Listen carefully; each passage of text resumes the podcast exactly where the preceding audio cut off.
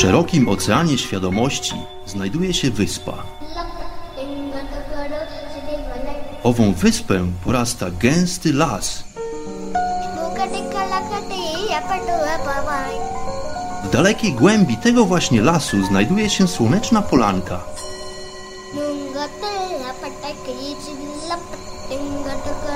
Przy tej oto polance w gorących promieniach słońca stoi sobie pewna magiczna chata.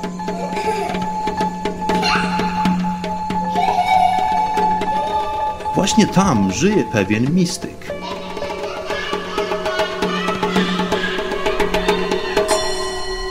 Mam na imię Bart i zapraszam wszystkich serdecznie do wysłuchania programu Chata Mistyka.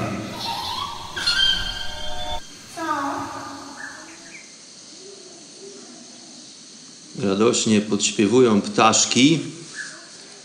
Bzyczy sobie w oddali swobodnie przemieszczająca się w przestrzeni mucha. A ja mam na imię Bart i czas rozpocząć kolejną opowieść z cyklu Chata Mistyka. Pozdrawiam wszystkich bardzo, bardzo serdecznie na wstępie. Kłaniam się nisko do pasa. Namaste, moi kochani. I Sat Shri Akal. Sat Shri Akal. Tak brzmi powitanie w krainie, w której się właśnie znajduję. Północna część Indii, przepiękna, słoneczna kraina brodaczy. Tak, moi drodzy, dzisiejszy odcinek zatytułowany jest Kraina brodaczy i za chwilę się wszystko wyjaśni. Jestem w północno-zachodniej części Indii. Dzisiaj równo upływają trzy tygodnie, odkąd opuściłem przepiękne wzgórza himalajskie. Byłem na takim przedpolu Himalajów, jak to określiłem wcześniej w jednym z programów, można by powiedzieć nie w sercu Himalajów, ale może w lewej nerce. Góry dosyć wysokie, aczkolwiek to nie te najwyższe partie Himalajów. Spotkałem tam pewnego czcigodnego jegomościa, pewnego jogina. Jego imię brzmi Swamiji, ale to nie jest właściwie jego imię, tylko bardziej taki tytuł duchowy. W ten sposób zwraca się do niego ludność. Jest to taki tytuł, który wynika z pewnego szacunku dla osoby, która praktykuje techniki duchowe, która pogłębia swoją duchowość. W tym przypadku Swamiji praktykuje jogę, praktykuje tak zwaną kriya jogę, która to technika polega na uzdatnianiu swojego systemu, oczyszczaniu, polega na oczyszczaniu swojego systemu, również umysłu, no i na studiowaniu samego siebie, co prowadzi do pewnych e, stanów uniesienia, wzniesienia i połączenia się z jednością, czy też z Bogiem, można by powiedzieć. No ale dzisiaj nie o Swamiji. Swamiji natomiast e, zaprosił mnie, spotkaliśmy się w górach, w Himalajach, wówczas zaprosił mnie do swojej rezydencji, która właśnie znajduje się w Pandżabie. No i dzisiaj właśnie upływają trzy tygodnie od mojego przybycia do, tutaj do pustelni, można by powiedzieć, e, mnicha bez imienia. Jest to prawdziwa chata mistyka. Kiedy spotkałem mnicha bez imienia w górach, e, rezydował sobie w zwykłej takiej drewnianej chatce, bardzo skromnej, bardzo niewielkiej, bez prądu, bez wody, właściwie totalne minimum, które potrzebował do przetrwania. No ale jest to taka jego rezydencja mm, letnia. Natomiast kiedy lato się kończy, no a teraz już właściwie jest końcówka lata, to mnich bez imienia przenosi się do swojej pustelni, która znajduje się w Punjabie. Jest to, Punjab to jest e, stan sąsiadujący z stanem Himachal Pradesh, w którym to właśnie znajdowałem się w Himalajach. No więc postanowiłem odwiedzić tutaj mnicha bez imienia, no i wynik, wyniknęła z tego mm, historia taka, że jestem już tutaj trzy tygodnie, dzisiaj dokładnie mija 21 dni od mojego przybycia. No i chata mistyka znajduje się w krainie brodaczy. Okazało się, że większość mężczyzn tutaj w Punjabie bardzo dumnie nosi swoje obszerne brodziska, Również posiadają podkręcone do góry frywolnie wąsy. No i jest tutaj pewna opowieść, którą dzisiaj chciałem Wam przedstawić, moi drodzy słuchacze, która to również wyjaśnia, dlaczego owi jego moście noszą również turbany. Przepiękne, różnego koloru turbany, Kolory są naprawdę różnorodne. Jest to cała gama kolorów. Nie można powiedzieć, że jest to jeden jakiś określony styl. Kolory naprawdę są różnorakie. Od różowych przez niebieskie, błękitne, zielone. Po prostu jakikolwiek kolor da się wy, wyobrazić. Takie kolory przyjmują również turbany, brodaczy. No ale brodacze z turbanami to nie są jedyni brodacze, którzy tu zamieszkują ten obszar. Dzisiejsza chata mistyka to jest właściwie opowieść taka przygodowa, można by powiedzieć podróżnicza, może troszeczkę historyczna, no ale tradycyjnie nie obejdzie się od pewnych moich przemyśleń. Poruszymy tutaj pewne tematy, mm, może dziś, dzisiaj niezbyt głębokie, może niezbyt e, spirytualne, niezbyt duchowe, aczkolwiek oczywiście jak zwykle otrzemy się o duchowość. No ale rozpocznę troszeczkę od opisania samego miejsca, w którym to przybyło mi żyć i praktykować jogę przez ostatnie trzy tygodnie.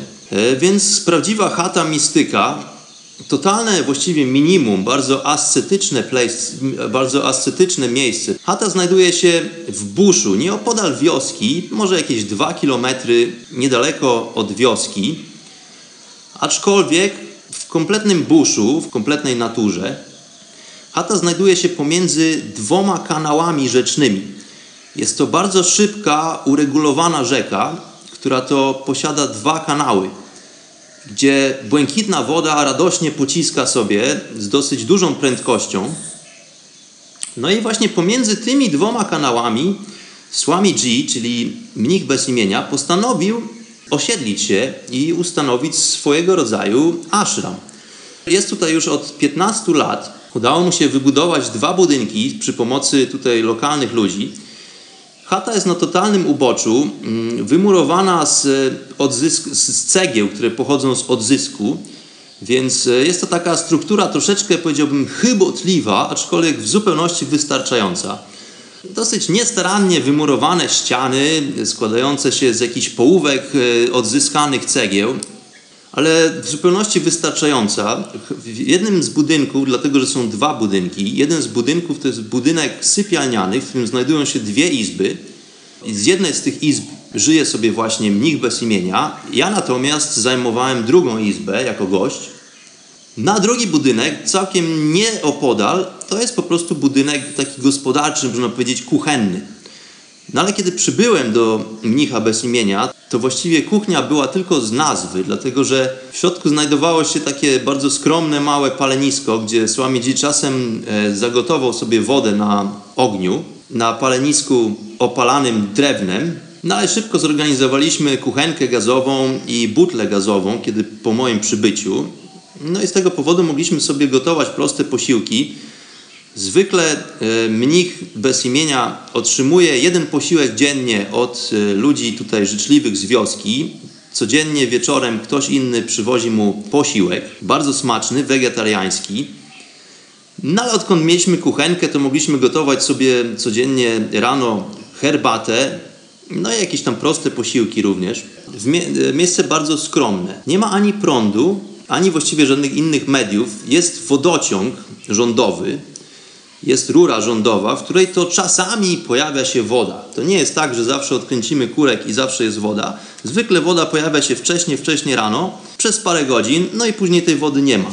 Swamiji wybudował sobie swoją chatę po prostu na ziemi rządowej, w buszu. To nie jest jego własność, natomiast e, nikt temu się za bardzo nie sprzeciwia.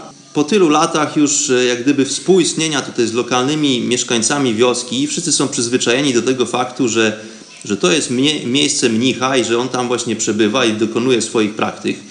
Zresztą bardzo często ludzie odwiedzają go, przynajmniej raz dziennie pojawia się jakiś wizytator, który tu próbuje się dowiedzieć czegoś o duchowości lub zapoznać się z technikami krii jogi, tudzież po prostu przy, przywozi mu posiłek.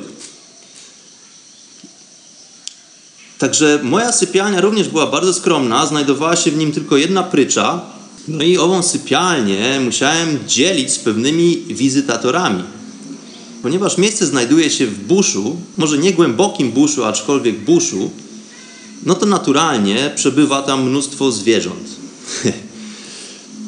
No więc e, zwierzęta, z którymi to musiałem dzielić sobie sypialnię, chcąc czy nie chcąc, to mnogość różnego rodzaju mrówek. Mrówki od najmniejszych mikroskopijnych po mrówki olbrzymy, które to dosłownie można sobie poklepać e, palcem po grzbiecie, dlatego że, mają, że są aż tak wielkie. Oprócz tego cała orkiestra świerszczy, które nieustannie po prostu koncertują, czy, dnie, czy dzień, czy noc. Oprócz tego cała plejada komarów, pająków wielkości dłoni, patyczaków, modliszek. Również okazało się po paru dniach, że dzielę sypialnię ze skorpionami. Okazało się, że pomiędzy tymi właśnie niestarannie wymurowanymi cegłami, gdzie jest mnóstwo takich szczelin, e, znalazły sobie dom skorpiony. Także dosłownie 3 metry od mojego łóżka okazało się, że po prostu znajduje się gniazdo skorpionów, które to musiałem, e, no musiałem to zaakceptować, dlatego że właściwie to jest ich miejsce. Ja tutaj jestem tylko gościem, przybyłem tylko na jakiś czas, więc no, trudno by było po prostu wyprosić tutaj stałych lokatorów, stałych bywalców. Ja właściwie nie mam nic przeciwko tym bestiom, dopóki nie w jakiś bezpośredni sposób nie zagrażają mojemu bezpieczeństwu czy też zdrowiu. Więc no, widok skorpiona nie jest mi obcy. Podróżując po świecie przez tyle lat widziałem mnóstwo skorpionów. Te tutaj natomiast, muszę przyznać, są dosyć tłuste, są dosyć spore, także jeżeli nastąpiłby jakiś incydent z, takiego, z takowym skorpionem, podejrzewam, że skończyłby się dosyć boleśnie. To nie są zwierzęta, które próbują cię ukatrupić, zabić. No, aczkolwiek trzeba być po prostu ostrożnym. Ja opowiadałem już o tym kiedyś, że nabyłem pewnych nawyków, które to umożliwiają mi po prostu bezpieczne poruszanie się w buszu. Przede wszystkim e, takim standardem jest zawsze sprawdzanie butów, zanim e, włożymy do, w, w owe stopy, dlatego że tam mogą się znajdować różne stworzenia, które po prostu szukają sobie schronienia zaciemnionego, zacisznego to nie tylko mogą być skorpiony, ale różnego rodzaju pająki i inne e, gryząco, kujące owady. Drugim takim standardem jest sprawdzanie posłania przed położeniem się. No, trzeba być po prostu ostrożnym. Zwykle podnoszę poduszkę ostrożnie, sprawdzam, czy tam nie ma nic, czy tam jest jakiś nieproszony gość, na mnie nie czeka.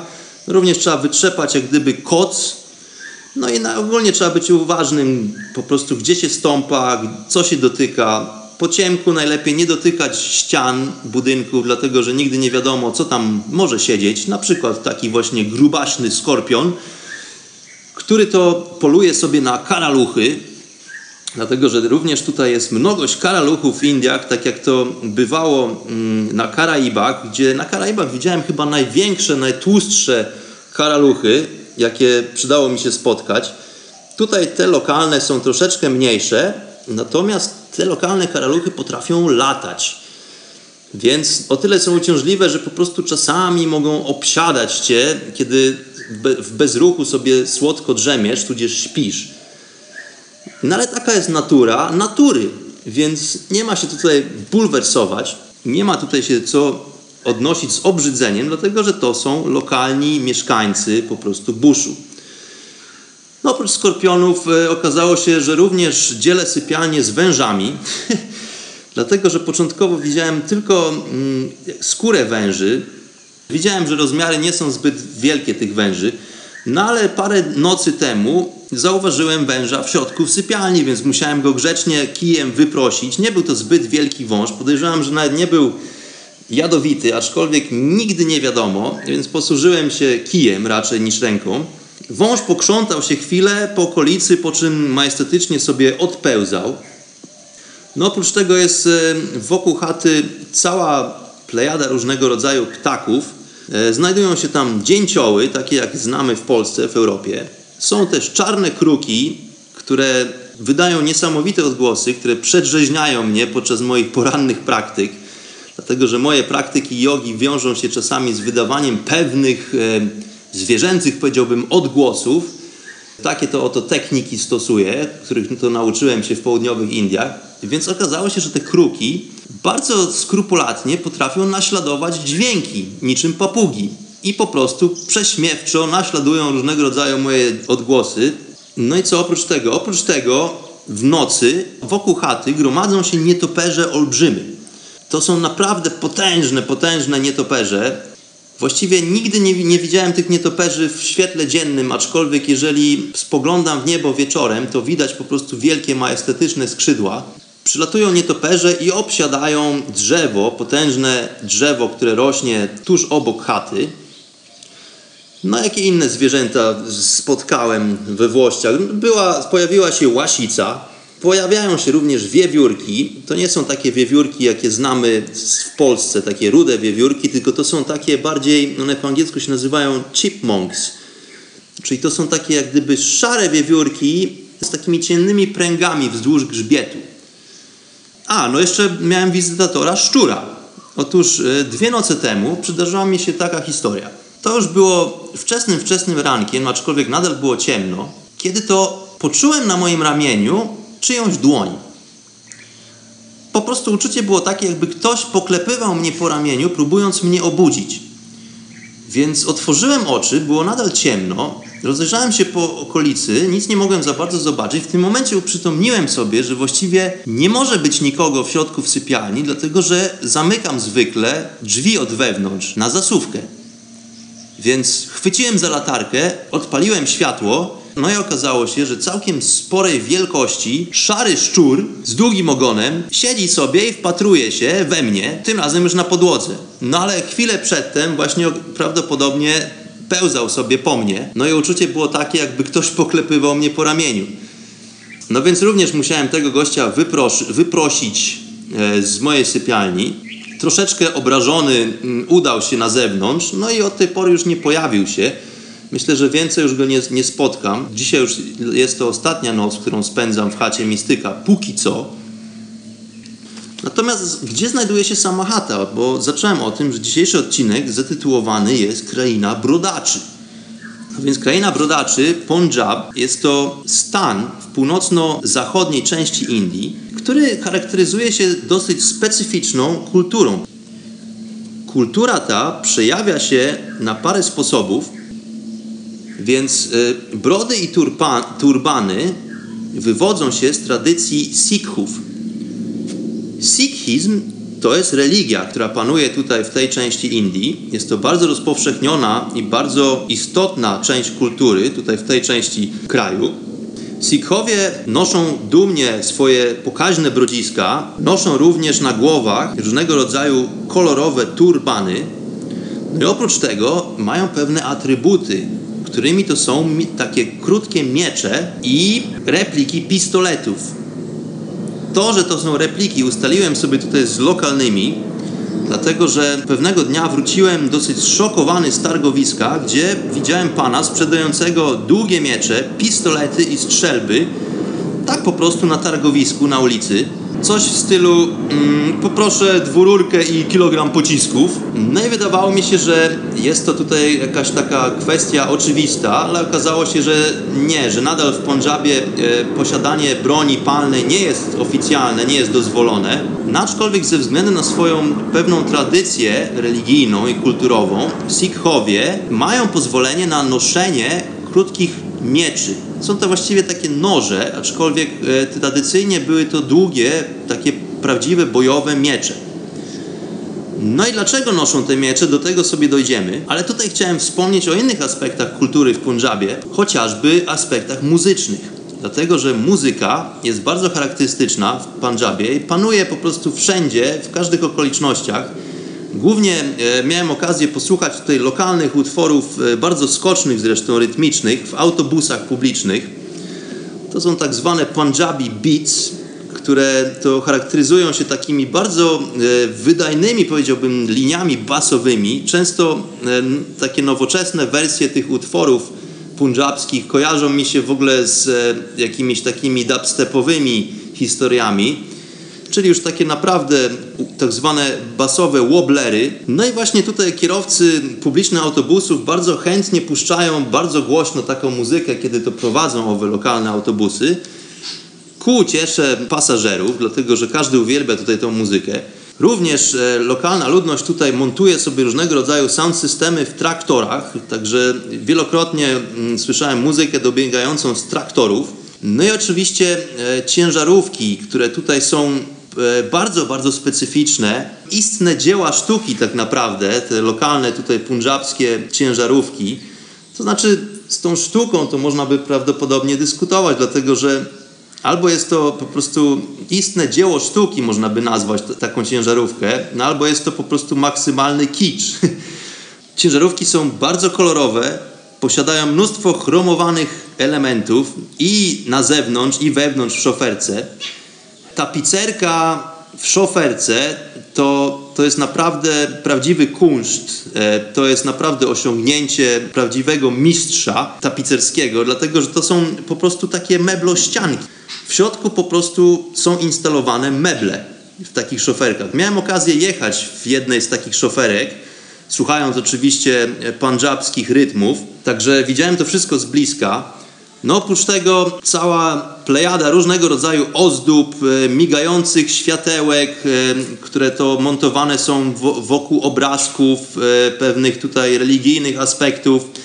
Oczywiście różnego rodzaju zasłonki, tak zwane firanki z frędzlami, różnego rodzaju pompony. Jest to cały obszar kultury, która tutaj jest bardzo istotna dla lokalnych ludzi. Tutaj warto również wspomnieć o bardzo specyficznym stylu zdobienia owych ciężarówek i autobusów. Pojawia się tutaj mnogość różnego rodzaju napisów. Zwykle te ciężarówki mają nazwy jakichś e, księci, z tego co się zorientowałem. Jest to jakiś książę jakiś lub e, królewna jakaś tam.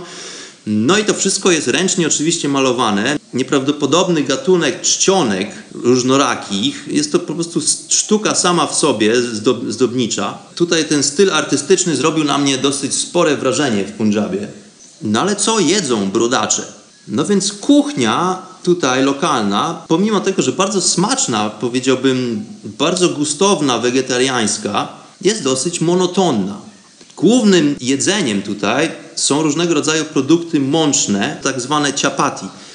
Ciapati to są takie placki, które smaży się na odpowiednio rozgrzanym, gorącym, żeliwnym, tudzież żelaznym talerzu, które to zrobione są po prostu ze zwykłej mąki białej, wymieszanej z wodą i nic ponadto.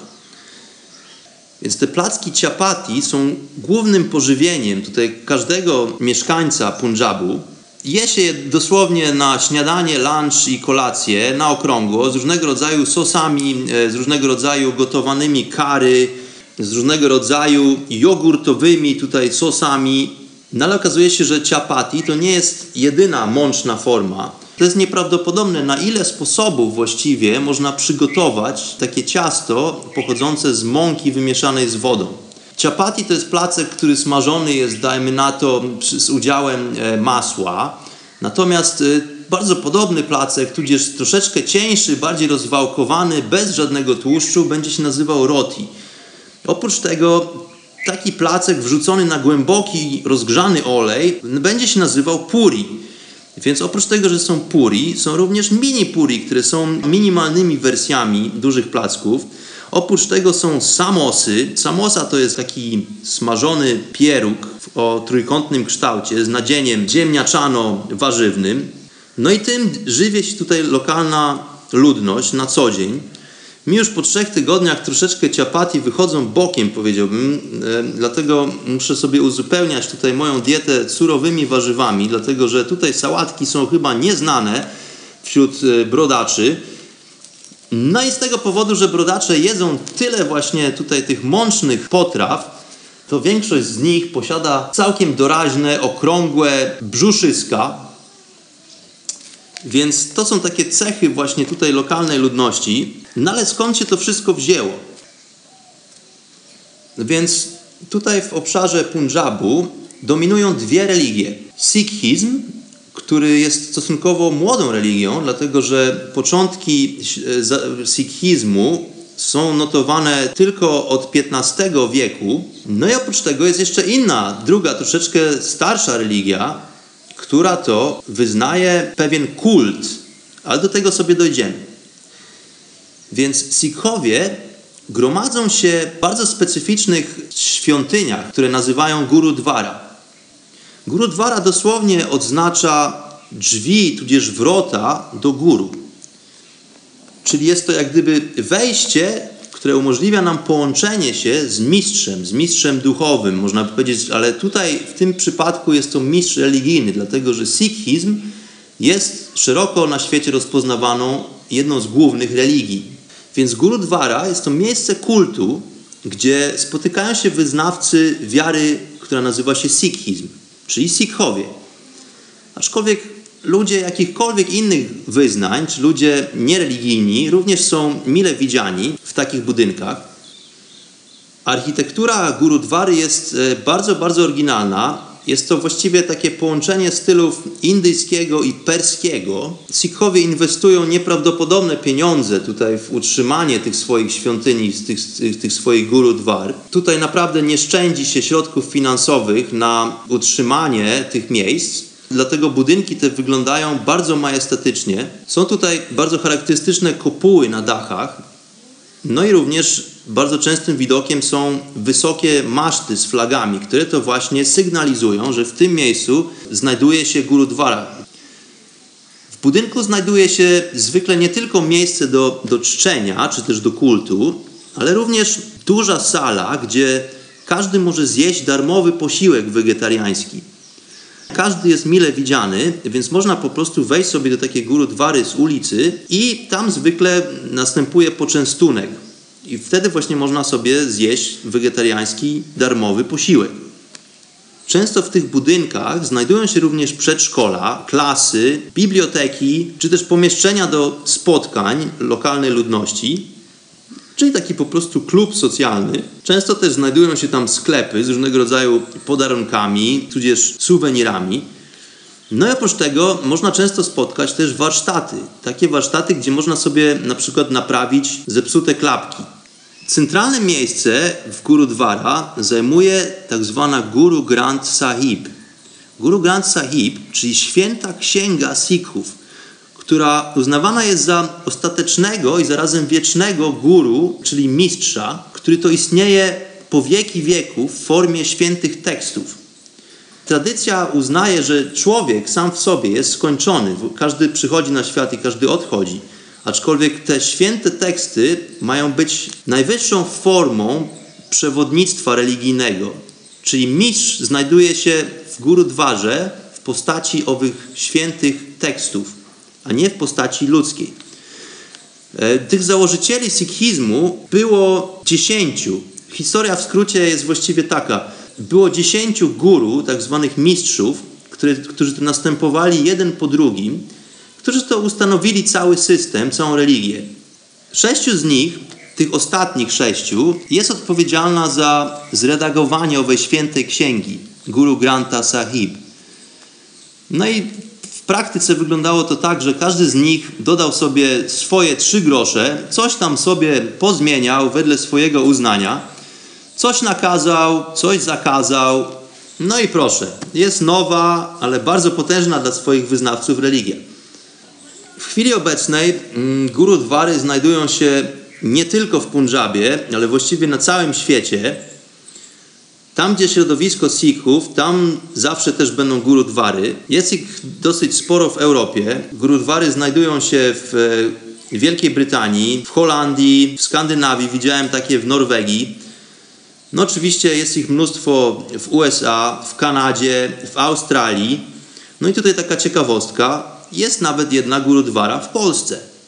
Pod Warszawą znajduje się gurudwara, gdzie spotykają się właśnie wyznawcy owej religii, która pochodzi tutaj z Punjabu. Taka ciekawostka. Najsłynniejsza gurudwara na, nazywa się Harmandir Sahib.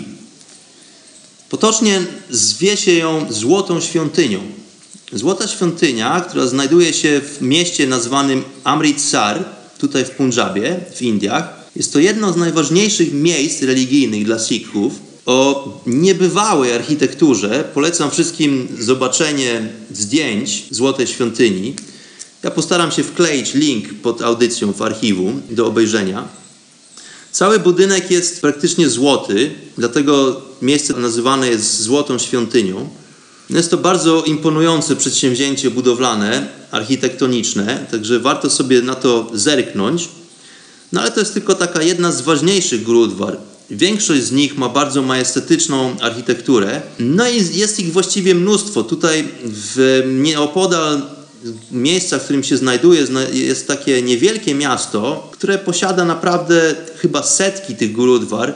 Widać je po prostu na każdym kroku. Jedne są bardziej pokaźne, jedne są troszeczkę mniejsze. Jest jedna olbrzymia, najbardziej znana gurudwara, która odwiedzana jest tutaj przez różnych wizytatorów, turystów, jest atrakcją turystyczną. No ale o samej religii. Religia jest dosyć młoda. Tak jak wspomniałem, początków można upatrywać się tylko w XV wieku. No więc było tych dziesięciu mistrzów, którzy to zgromadzili wokół siebie wielu wyznawców. Pierwszy z tych mistrzów był chyba najbardziej uduchowionym, powiedziałbym, no ale ze względu na duże poparcie, czy też parcie, zaczął gromadzić i w pewien sposób systematyzować pewne przekazy, no i spisane tradycje. Ten guru jeszcze nie ustanowił świętej księgi, ale wprowadził już pewne rytuały, pewne modlitwy, pewne schematy zachowań. Dopiero piąty z tych dziesięciu guru ustanowił księgę w formie hymnów, czy też tak zwanych psalmów, które to notabene miały bardzo muzyczną, bardzo melodyjną mm, formę. Pisane były i składane podług znaczenia, ale nie tylko podług znaczenia, ale również podług rytmu języka, więc są to bardzo charakterystyczne hymny. E, zresztą do tej pory przekazy owych psalmów bardzo często następują w formie bardzo rytmicznej deklamacji, czy też nawet pieśni. W XVI wieku nastąpił w Indiach najazd Persów, więc wtargnęli Persowie i tutaj zawładnęli ziemiami indyjskimi. No i od tego czasu troszeczkę się pozmieniało, dlatego że dynastia, która wówczas objęła władzę, miała korzenie turecko-mongolskie – no i wprowadziła swoje zwyczaje, w tym oczywiście dominację islamu nad innymi religiami, dlatego że właśnie ta, ta rodzina rządząca turecko, z turecko-mongolskimi korzeniami była muzułmanami.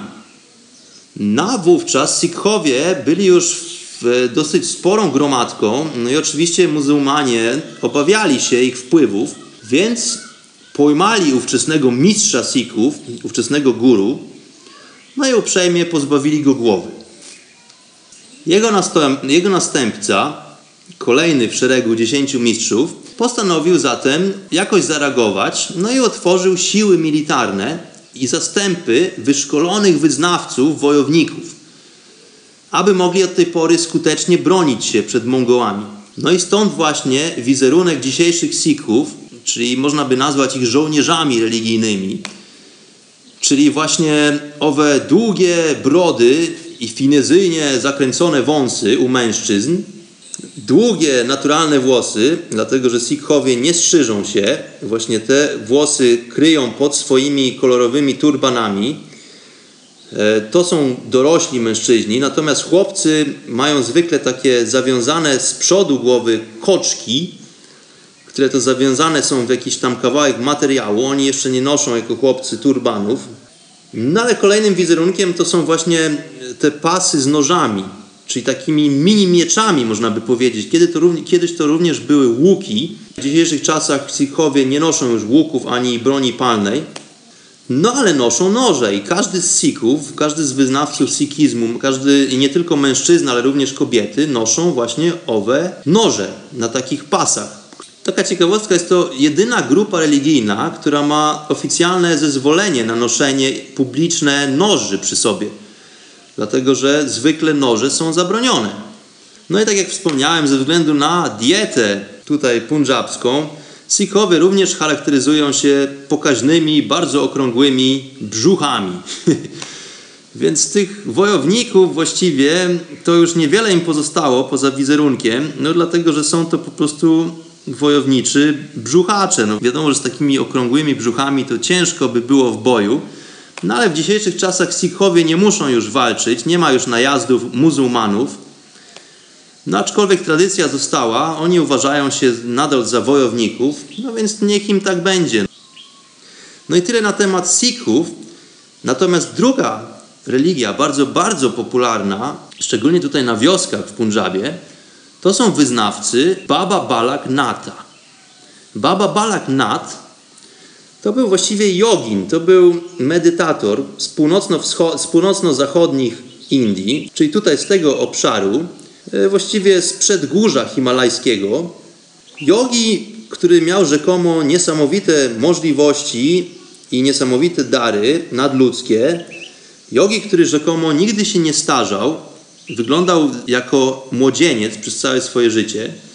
No, tradycja jest bardzo stara, to jest tradycja sięgająca dużo dalej niż XV wiek. To można by prawdopodobnie powiedzieć, że jest to tradycja sięgająca przed naszą erą. Nikt nie jest właściwie pewien dokładnie historii Baba Balaknata, aczkolwiek jest to kult, który jest bardzo, bardzo popularny tutaj na wioskach. Ja nagrywając dla, dla Was, drodzy słuchacze, tą audycję, siedzę sobie właśnie w świątyni Baba Balak Nat, gdzie znajduje się mnogość różnego rodzaju posążków mm, i, i przepięknie malowanych tutaj e, murali na ścianach. Jest w tej chwili tutaj cisza i spokój, więc e, siedzę sobie i nagrywam tę audycję. Nie ma w tej chwili tutaj żadnych wyznawców.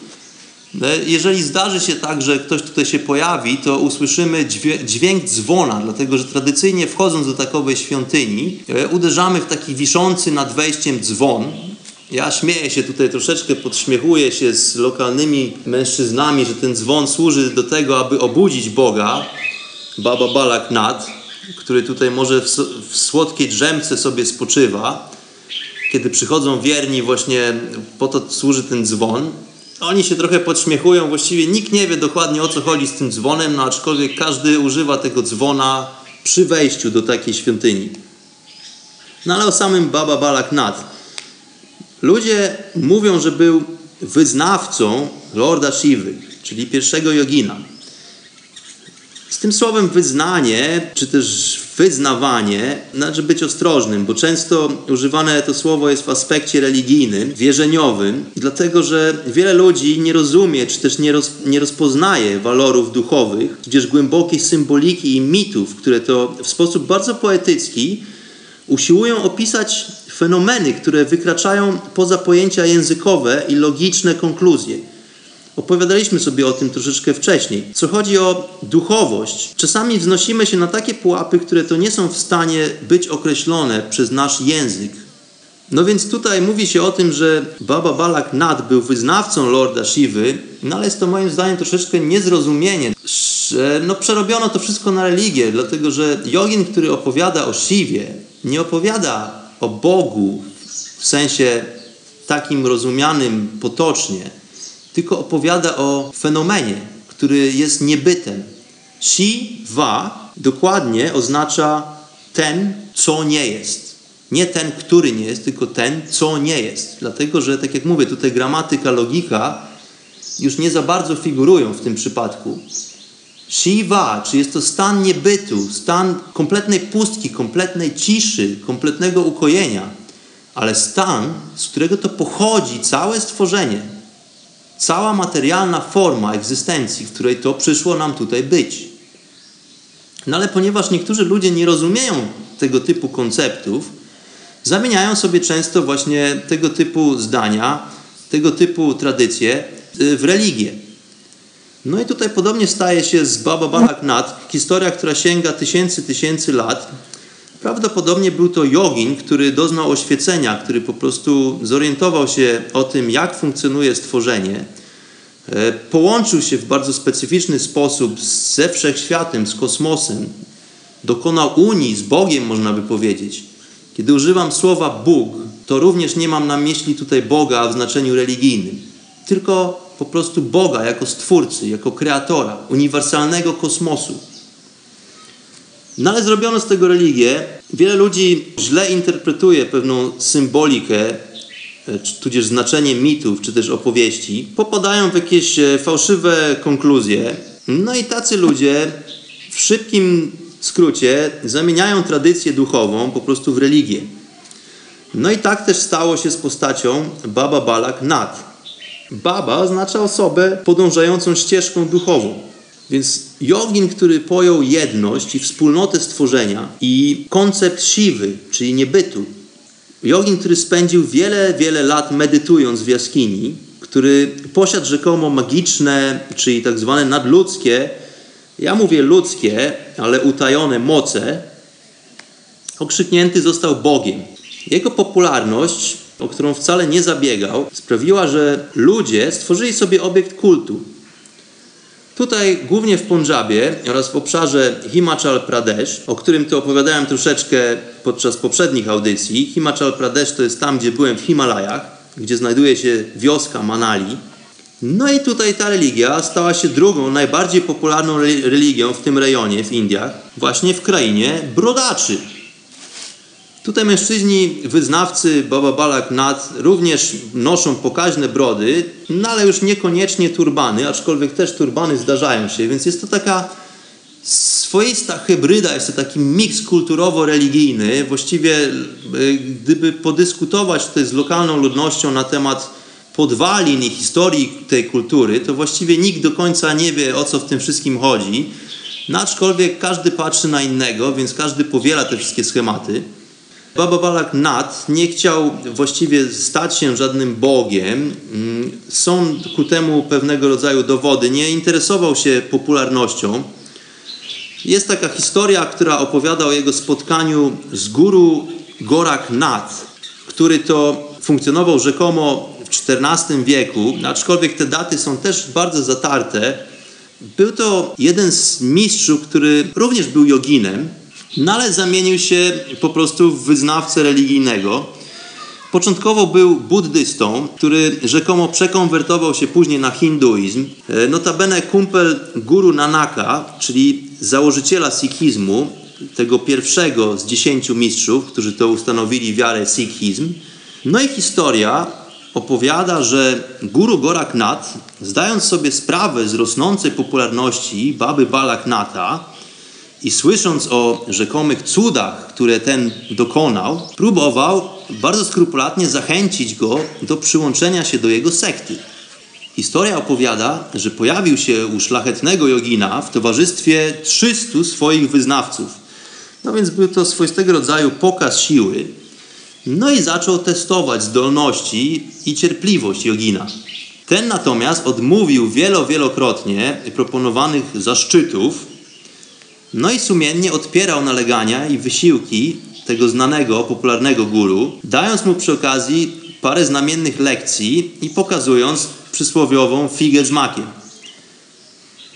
No i to wszystko wielki sekciarz otrzymał od dzieciaka. Baba Balak Nat wyglądał po prostu jak młokos, dlatego że on się rzekomo nigdy nie starzał. Posiadł takie techniki, że po prostu utrzymywał swoje ciało w odpowiedniej formie przypowiastka, która świadczy o tym, że, że owy jogin o młodzieńczym wyglądzie nie był za bardzo zainteresowany tworzeniem żadnego rodzaju kultu, tudzież religii.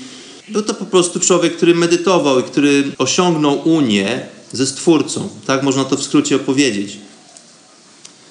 No więc ciekawostka. Dwie religie, dwa odmienne systemy wiary, ten sam obszar, ci sami ludzie, Czasem w jednej rodzinie jeden brat na przykład wyznaje hinduistyczny kult Baba Balak Nata, dlatego że ten kult Baba Balak Nat mm, jak gdyby zawiera się w całej plejadzie różnego rodzaju kultów i wyznań hinduistycznych. Hinduizm to nie jest jedna określona religia, tylko jest to mnogość, mnogość różnych bogów i wyznawców. Na drugi brat w tej samej rodzinie jest na przykład Sikhiem. No i co? I obydwaj mają pokaźne brody, oczywiście. Spotkałem tutaj takie przypadki. Generalnie bardzo mili, życzliwi i bardzo gościnni ludzie, no ale również bardzo poważnie traktujący swoje wierzenia. Praktykujący na co dzień, nie raz w tygodniu, tylko na co dzień. No ale cóż, no nie mnie tutaj do końca kogokolwiek oceniać czy też pouczać, no ale mogę tylko w jakiś sposób podzielić się z moimi przemyśleniami tutaj w audycji na ten temat. Mając nadzieję, że nikogo nie obrażam, nie jest moim celem tutaj obrażanie nikogo, bo to z tą dumą religijną różnie bywa. Niektórzy ludzie podchodzą do tego tematu religijności bardzo, bardzo ekstremalnie, jak to zresztą zdajemy sobie z tego sprawę. No, religia jest elementem bardzo istotnym w każdej kulturze. Co to jest kultura? No, kultura to jest coś, co kultywujemy, czyli coś, co pielęgnujemy, więc zawsze to będzie to bardzo istotne. Jest to coś, co, czym również ludzie nasiąkają od dziecka, można by powiedzieć, przy udziale rodziców. Coś, z czym się utożsamiają. Tutaj e, wspomniałem wcześniej kwestię ego. Właśnie ego to jest również to, z czym um, utożsamiamy się pod względem religijności, pod względem naszych wierzeń. Równie, religia jest to również coś, za co często ludzie są w stanie umrzeć. Ludzie, którzy pociągają to do stanów ekstremalnych, są w stanie umrzeć w imię swojego Boga, tudzież wyznania, tudzież religii. Zdajemy sobie przez sprawę z tego, ile jest wojen wszczynanych pod pretekstem wiary i jakiegoś mylnego oglądu Boga, prawda? Moim zdaniem żadna religia na tym świecie nie jest słuszna. Każda z nich mówi o swojej wyjątkowości, o jakiejś formie ekskluzywności. Rozpoznawana jest przez swoich wyznawców zwykle jako jedyna słuszna droga. Często nie zdajemy sobie sprawy z mnogości wyznań na tym świecie. Wydaje nam się na przykład, że Kościół katolicki to jest jedyna forma religijności, no dlatego, że wychowujemy się tylko w takim katolickim środowisku. E, no przykładem tutaj na mnogość tych różnych wyznań jest chociażby mnogość kultów hinduistycznych. Co region w Indiach to właściwie inna tradycja, inni bożkowie, inni wyznawcy – Przykładem na to najlepszym jest Baba Balak Nat, którego wyznaje prawdopodobnie parę ładnych milionów ludzi, no, o którym ja sam dowiedziałem się dopiero parę tygodni temu po przyjeździe tutaj do Punjabu. No i cóż, dobrzy, życzliwi ludzie, ale moim zdaniem troszeczkę zagubieni to są właściwie takie relikty tradycji, które przetrwały chociażby dlatego, że watykańskie macki nie sięgają tutaj tak daleko. To są jakieś takie powielane schematy dokonywane przez ludność na co dzień. Dokonywanie jakichś rytuałów bez zrozumienia. Tutaj właściwie nie ma czego zrozumieć. Religia to jest spoglądanie na wyższych w hierarchii, na tak zwanych świętych mistrzów, czy też księży, czy nazwij to sobie papieży tak, tak dalej, bo to oni zwykle mają rozumieć coś, a ja już wtedy nie muszę rozumieć, prawda? Bo od tego mam przecież księdza, od tego mam papieża. Powiedzą mi coś, co mam robić, jak mam żyć, w jaki sposób mam funkcjonować, a ja już się tym nie muszę martwić. Tak zwykle moim zdaniem funkcjonują religie. A gdzie tutaj praca z samym sobą, prawda? Gdzie tutaj wgląd do, we, do wnętrza mnie samego? Gdzie tutaj odkrywanie prawdy? Gdzie tutaj proces oczyszczania duchowego? Każda z tych wielkich religii ma jakąś mądrą księgę, która to określa warunki kontraktu, tak bym to nazwał. Mówi mi, jak mam funkcjonować, jak mam żyć własne życie. Jest to po prostu istnego rodzaju kodeks prawny, napisany przez zwykle wielu, wielu autorów, przy upływie bardzo długiego czasu, który mówi mi, co jest dla mnie najlepsze. Czy jest to Guru Granth Sahib, jak w przypadku sikhizmu, czy jest to Koran w islamie na przykład, czy jest to Biblia w chrześcijaństwie, czy też Tora w judaizmie i tak dalej, i tak dalej. Każda z tych ksiąg, tudzież opowieści, staje się doktryną kultu. Kult, czyli jakiegoś rodzaju ślepe powielanie zapisków bez ich kompletnego zrozumienia lub często nawet z mylną bardzo interpretacją. Zwykle podwaliny każdej z tych religii wydają się gdzieś tam głęboko słuszne i pochodzące od prawdziwych joginów, można by powiedzieć, odkrywców, odkrywców prawdy. Ale znaczenie tych tekstów zostaje zmodyfikowane, bardzo często zatarte na przestrzeni czasu, interpretacji, albo po prostu niefortunnie przetłumaczone. Przykład. Taki przykład, żeby był nam wszystkim znany, to posłużę się dekalogiem, czyli tak zwanymi dziesięcioma przykazaniami. Pierwsze z dziesięciu przykazań. Jest jeden Bóg. No i tutaj klops. Dlatego, że każdy z nas nauczył się tej regułki na pamięć, każdy zna dekalog, no ale mało kto zastanawia się nad znaczeniem tych słów, mało kto właściwie kwestionuje znaczenie tego, tych słów. No a tutaj okazuje się, że oryginalne pierwsze przykazanie z dekalogu z oryginału brzmi Bóg jest jednością, a nie jest jeden Bóg. Jedność, czyli stworzenie, czyli byt i niebyt, to jest Bóg. Wszystko i nic jest jednością. Wszystko równa się jedno. Jest to coś, co omawiałem w epizodzie pod tytułem Wszystko równa się jedno, więc polecam również tym, którzy nie znają tego, tej części chaty mistyka do sięgnięcia do archiwum. Także wiedza zawarta w tym zdaniu jest wiedzą prawdziwą, sięgającą początku istnienia, ale bardzo mylnie interpretowaną. Takie jest przynajmniej moje zdanie. Więc tutaj nie chodzi o to, że jest jeden Bóg. Tutaj chodzi o to, że Bóg, czyli Stwórca, stworzenie, świat, kosmos jest jednością. No i tutaj kwestia tylko mylnego tłumaczenia, no i pojawia się problem. Pojawia się cała religia, która wybudowana jest na systemie wierzeń, które pochodzą właściwie z niczego. Na systemie wierzeń, których nie rozumie nikt, których nikt nie zgłębia, gdzie nikt nie zadaje pytań. Także taka różnica jest pomiędzy drogą duchową, pomiędzy odkrywaniem prawdy wewnątrz siebie, pomiędzy zrozumieniem pewnych konceptów, a pomiędzy powielaniem religijnych schematów, które to zostały nam narzucone przez rodzinę, przez środowisko, e, które wynikają z pewnego błędnego zrozumienia, tudzież z błędnej weryfikacji pewnych skryptów. To wszystko ma gdzieś tam e, dosyć prawdziwe podwaliny, tylko bardzo często zostaje właśnie mylnie zinterpretowane. Także ja tutaj z tego miejsca zachęcam wszystkich e, słuchaczy Chaty Mistyka do samodzielnej pracy nad owymi zagadnieniami, do zagłębienia się wewnątrz nas samych, do odkrywania prawdy, która to istnieje w każdym z nas. Każdy z nas ma te same predyspozycje, żeby taką drogą podążać. Nie musimy patrzeć się na tych, którzy z wyższością obnoszą się ze swoimi tytułami, tudzież funkcjami religijnymi, dlatego że ci ludzie są do niczego niepotrzebni. Te wszystkie odpowiedzi na nużące nas dylematy mieszkają i żyją wewnątrz nas. Jesteśmy w stanie odkryć to wszystko na własną rękę. Oczywiście warto na ten temat dyskutować, dlatego że jesteśmy w stanie pomóc sobie nawzajem, prowadząc dyskusje, tudzież zadając pytania. Jest to w stanie naprowadzić nas na właściwy trop. No, aczkolwiek e, wiara jako religia, moim zdaniem, jest kompletnie mylną drogą, która to właściwie odciąga nas od tego prawdziwego procesu poznawczego do którego jesteśmy tutaj stworzeni, do którego jesteśmy właściwie powołani jako istoty świadome, jako istoty ludzkie. Także zachęcam wszystkich bardzo, bardzo serdecznie do poszukiwania prawdy. Zachęcam wszystkich do medytacji, do odkrywania tego, co jest, a nie tego, co zapisane w zakurzonych skryptach. No i zapraszam wszystkich do kolejnych spotkań w chacie. Bardzo miło by mi było, gdybym, e, gdybym zobaczył komentarze pod audycją w archiwum. Zachęcam do komentowania moich audycji, do zadawania pytań i do dialogu nie tylko ze mną, ale również pomiędzy nami.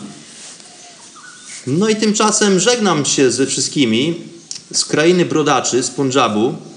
Tutaj w międzyczasie w świątyni pojawiło się parę dzieci, których tutaj spróbuję zachęcić do wydania jakiegoś odgłosu na sam koniec, do pożegnania się. No i do zobaczenia, moi drodzy. Żyjcie w pokoju, bądźcie zdrowi. Ja mam na imię Bart i zachęcam wszystkich do kolejnych odcinków Chaty Mistyka. No i teraz coś od dzieci. Say something, please. Hello. Hello, Punjabi. Punjabi. Punjabi Punjabi. ਦੰਦ ਕਣ ਕਰਦੀ ਦੰਦ ਕਾਂ ਕਰ ਦੂੰਗੀ Dopo che verdo. No i tyle. Żegnam się i pozdrawiam wszystkich.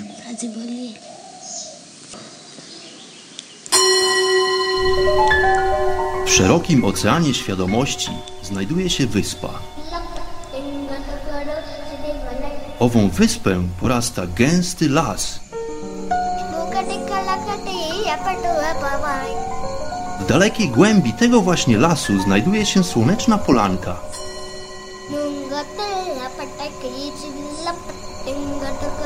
Przy tej oto polance, w gorących promieniach słońca, stoi sobie pewna magiczna chata.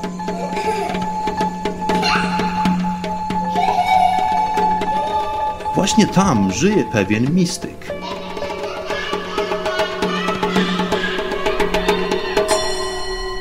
Mam na imię Bart i zapraszam wszystkich serdecznie do wysłuchania programu Chata Mistyka.